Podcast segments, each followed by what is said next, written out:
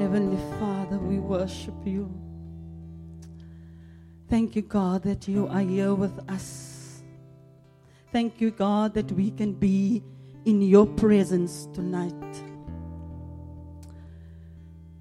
Thank you, Jesus, that through it all, your eyes are on us. Nothing can happen to us that you don't know about. You are here with us.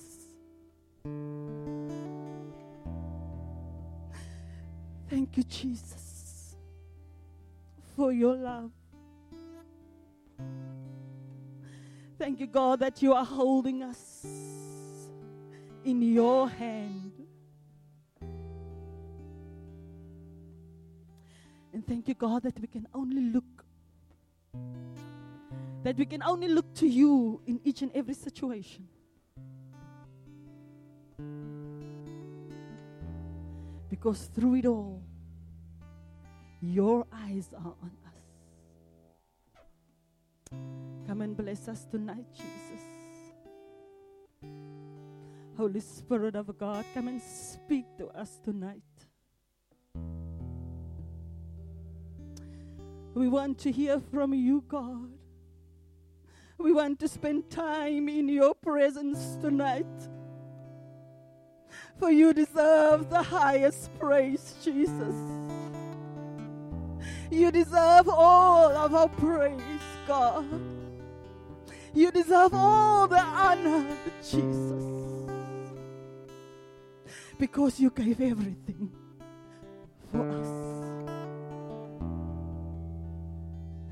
Thank you that you take time to keep your eyes on us. The God of the universe takes time to take to watch us. And therefore it is well with our souls tonight. It is well, Jesus.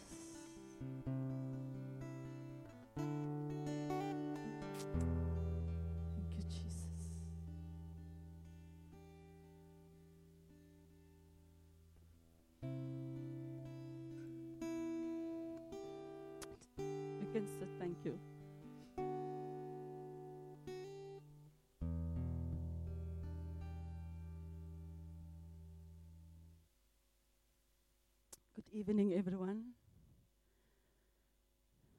How are you tonight? We are in the presence of God. Um,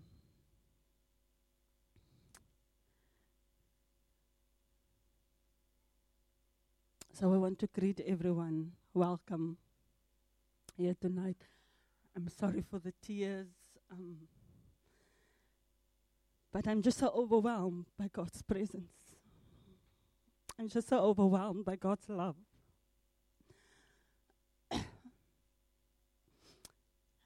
um, so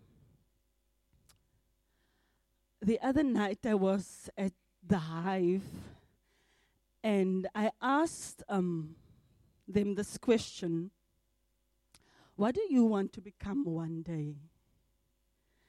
And I got a lot of answers. Some said, I want to be an air hostess. The other says, I want to go and work on a cruise ship. And the other said, a teacher. The one said, I want to do agriculture. And there was one who had five things that he listed that he wants to do. And one of the five things, the last on his list is, or was, that he wants to do theology. And then there was another boy who said he wants to study theology because he wants to become a youth pastor. And I was just, I just want to love on him because it's not in this generation to find youngsters that wants to work for Christ. That's amazing. So then I asked myself this question Do people still ask God, What do you want me to be? You were the creator of all things. You created me. Before Genesis 1, verse 1, you knew about me. You already had my plan and my purpose all laid out. Before the foundations of the earth, you already had me in mind. So it's just right that I would ask God. This is what I have in mind that I want to do with my life. Is it in line with what you have in your book for my life? I want to read the scriptures in Psalms 139 from verse 1 to 16. And this is David writing.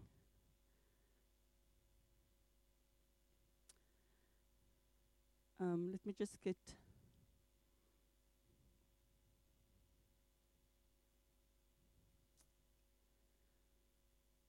So it says, You have searched me, Lord, and you know me. You know when I sit and when I rise. You perceive my thoughts from afar. You discern my going out and my lying down. You are familiar with all my ways. You are familiar with all my ways. A word before a word is on my tongue, you, Lord, know it completely. Because before I speak, God knows what I want to say. You hem me in behind and before, and you lay your hand upon me. Such knowledge is too wonderful for me, too lofty for me to attain. Where can I go from your spirit? Where can I flee from your presence? If I go up to the heavens, you are there. If I make my bed in the depths, you are there. If I rise on the wings of the dawn, if I settle on the far side of the sea, even there your hand will guide me. Your right hand will hold me fast. If I say, Surely the darkness will hide me, and the light become night around me, even the darkness will not be dark to you. The night will shine like the day, for darkness is as light to you. From verse 13 is, is, is the emphasis that I want to put is for you created my inmost being. You knit me together in my mother's womb. I praise you because I am fearfully and wonderfully made. So when it says I am fearfully made, it means that God, it wasn't, He wasn't afraid to make me, but He was fearful to make a mistake when He woven us together in our mother's wombs. It's like an artist who, who, who does a painting. He's very cautious because he does not want to make a mistake. My frame was not hidden from you. When I was made in the secret place, when I was woven together in the depths of the earth. Verse 16. Your eyes saw my unformed body. All the days ordained for me were written in your book. That sentence is critical. All the days ordained for me were written in your book which means that there is a book that God wrote before the foundations of the earth was laid. He wrote a book on David's life. He wrote a book on my life. He wrote a book on your life. This is what you, what I see, what you can become, what you can do. God has an assignment for us, and God needs people who is willing to let go of their own agenda because this generation needs a people who is willing to take God's plan for their lives. So th- in in the Bible there are many examples of of people who started to follow Christ, who left their own agendas, who left their companies behind, who left their work behind because they wanted to follow Christ and they wanted to get to know what was written in God's book for their life. If we read in Matthew 4, verse 18 to 21, And this is the calling of, of Pete, Peter and, and also of John, the son of Zebedee. As Jesus was walking beside the Sea of Galilee, he saw two brothers, Simon called Peter and his brother Andrew. They were casting a net into the lake, for they were fishermen. Come follow me, Jesus said, and I will send you out to fish for people. At once they left the nets and followed him. Going on from there, he saw two other brothers, James, son of Zebedee, and his brother John. They were in a boat with their father Zebedee, preparing their nets. Jesus called them, and immediately they left the boat and their father and their father and followed him. In Matthew 9, verse 9, is the call of, of Levi, who's also called Matthew, who's the writer of this book, Matthew. As Jesus went on from there, he saw a man named Matthew sitting in a tax collector's booth. Follow me, he told him. And Matthew got up and followed him. These men that started following Christ, they left everything behind and followed Christ, and they became like the great followers of Christ. They were the people who started the first church. But they had to break through barriers. The barriers of the day, the religious people of the day, the government of the day, the emperors that wanted to kill them because they believed in Jesus Christ. But they made a lasting impact on their generation because they got to know what was written in the book that is spoken about in Psalms 139, verse 16. All my days ordained, all the days ordained for me are written in your book. Do we know what is written in the book? Is there maybe anything that you think that I think this was actually in God's book because it was never on my mind. It was never in my book. I never thought of doing this. So if we read, um, this is a story of Mark, and Mark, the gospel writer, um, who wrote the second book was um, Mark, and it's in Acts 13, verse 13. From Paphos, I tried, struggled. I even Googled this pronunciation, so I am hoping I'm pronouncing it right. Paul and his companions sailed to Perga in Pamphylia, where John Mark left them to return to Jerusalem. So, Mark, who is the writer of the gospel, he was a young boy, and when Paul and Barnabas decided to go on a missionary trip he was in because um, he and Barnabas was cousins, and so he's, I'm going. Yes, I'm in. But then, just here, right at the beginning of the trip, he decided, no, this is not for me. I'm going back. And he left them. And Paul became very angry at Mark, and Paul even thought that um, that there was a defect in, in, in Mark's character because he left them in the middle of a missionary trip. Um, but so when they went, Paul and Barnabas decided to go on a second missionary journey. Um, so Barnabas said, No, but let's take Mark with us again. And Paul is like, No, I am not taking Mark with. The last time he left us, no. And they had a big argument. And so Paul left for um, one way, and Barnabas left the other way. So they split up, and Barnabas took Mark with him. I think Barnabas was a great mentor. Barnabas was someone who mentored um, youngsters. Even Barnabas even mentored Paul because when Paul was in Tarsus, um, that's where he stayed. he grew up. He was saved in Damascus and then um, went to Jerusalem and then he went to Tarsus just to, and I think God just puts you in a place to just isolate you, to get to know Him more so that He can use you when the time is right. And this is what was Paul was doing in Tarsus. And then Barnabas was here in Antioch, and the church was growing in Antioch, and the believers were not Jewish people. And Barnabas decided to go fetch Paul in Tarsus to come help him um, with the believers that are not Jewish. And so so I really believe that Barnabas had this um, ministry of, of teaching those who come to Christ, who's still early in the days of, of, of coming to Christ. So Paul left, Barnabas left, and Barnabas took Silas with him. Oh no, sorry, Paul took, took Silas with him.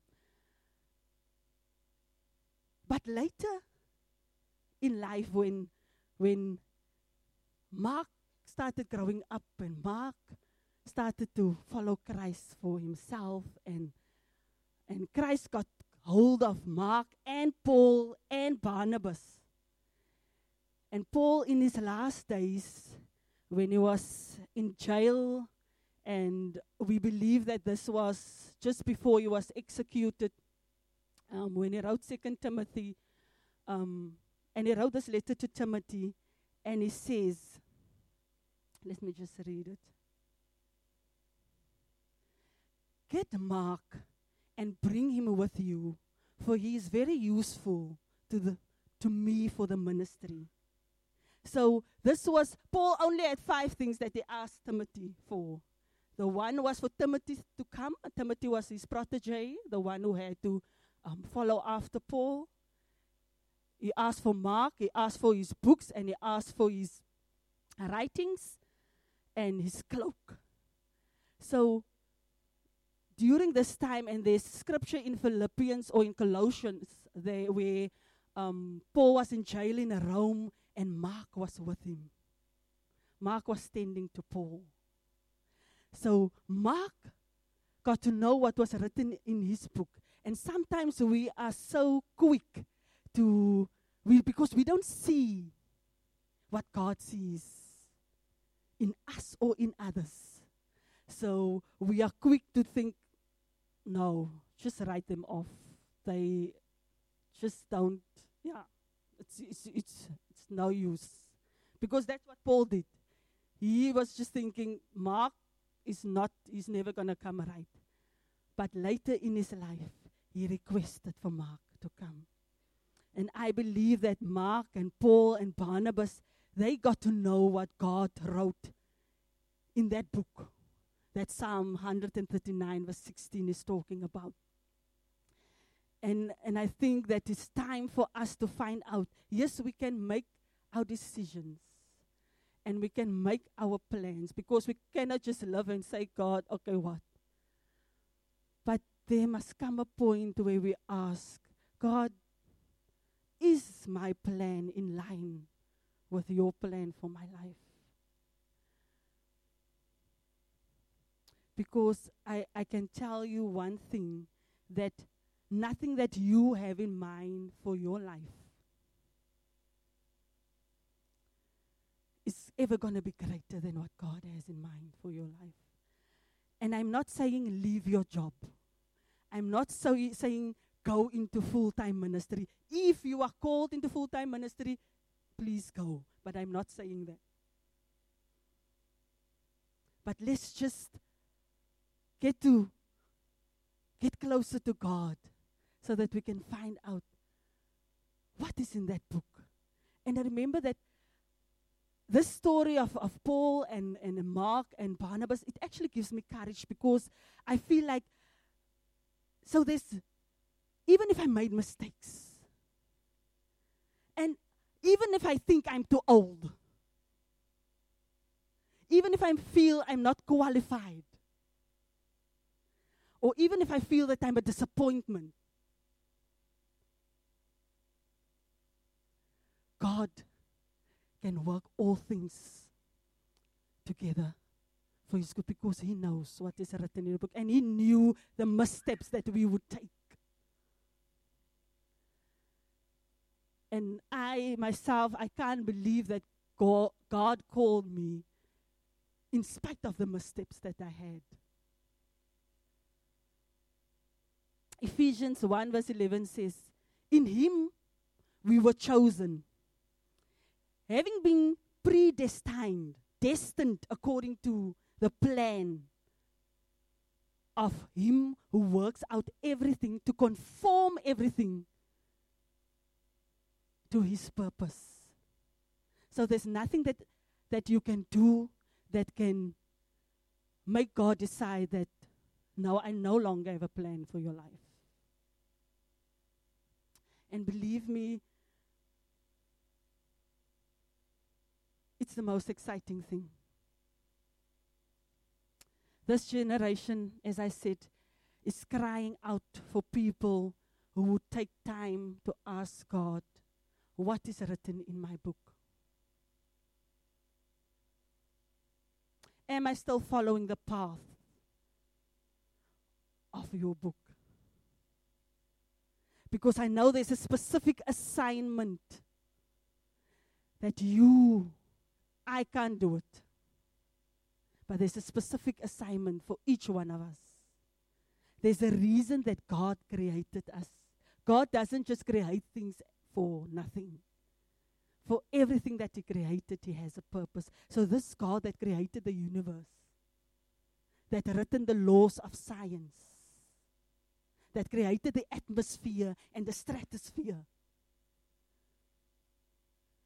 this God has a plan for your life. So, it is no longer time for us. We can no longer give in to mediocrity we can no longer give in to the ordinary. It is time for us to break through. Because it's not for us.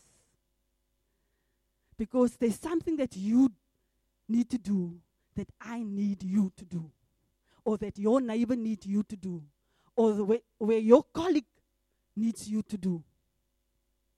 Because there's a specific assignment that will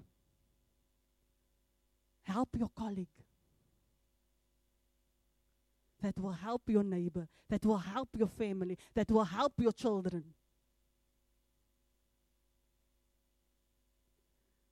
God still has a purpose for us.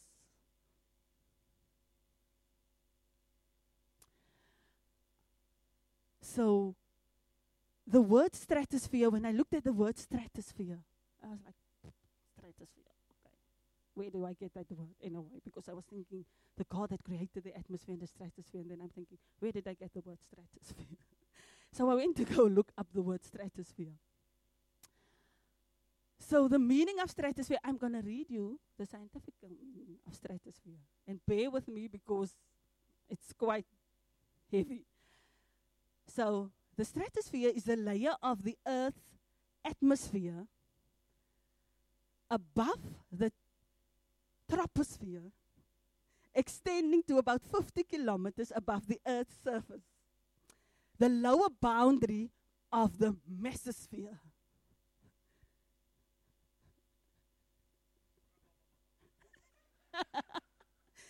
but they, they have an informal meaning.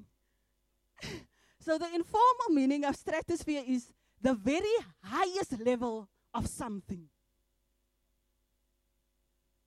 So when they use it in the sentence, they say, let's use it, or her next big campaign launched her into the fashion stratosphere, into the higher level, highest level of the fashion world.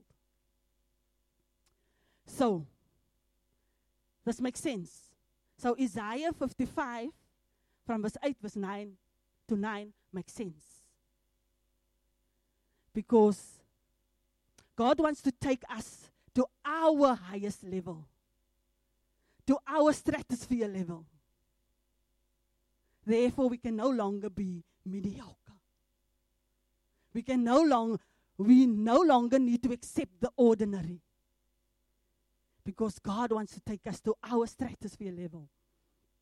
Isaiah 55, 8 verse 9 says, For my thoughts are not your thoughts, neither are your ways my ways, declares the Lord. As the heavens are higher than the earth, so are my ways higher than your ways, and my thoughts higher than your th- thoughts. So it's time for us to take the limits of ourselves and to tap into the one who knows us, the one who created us, the one who has the book on our life. Because if we get to know what is written in that book, what God wrote in that book about you, it will launch you right into your stratosphere level. Because this generation can no longer accept a church that is, when I say church, I'm not saying Corpus Christi, I'm saying church, which is the body of Christ. A church that is just an organization of maintenance, keeping you happy. We need to find out. The people out there need us to get to our stratosphere level, to get to know what is in that book. Because we need to make a lasting impact in this generation for Christ. All the others before us, if you go through the history of the church, there are there were always people who did something spectacular for Christ.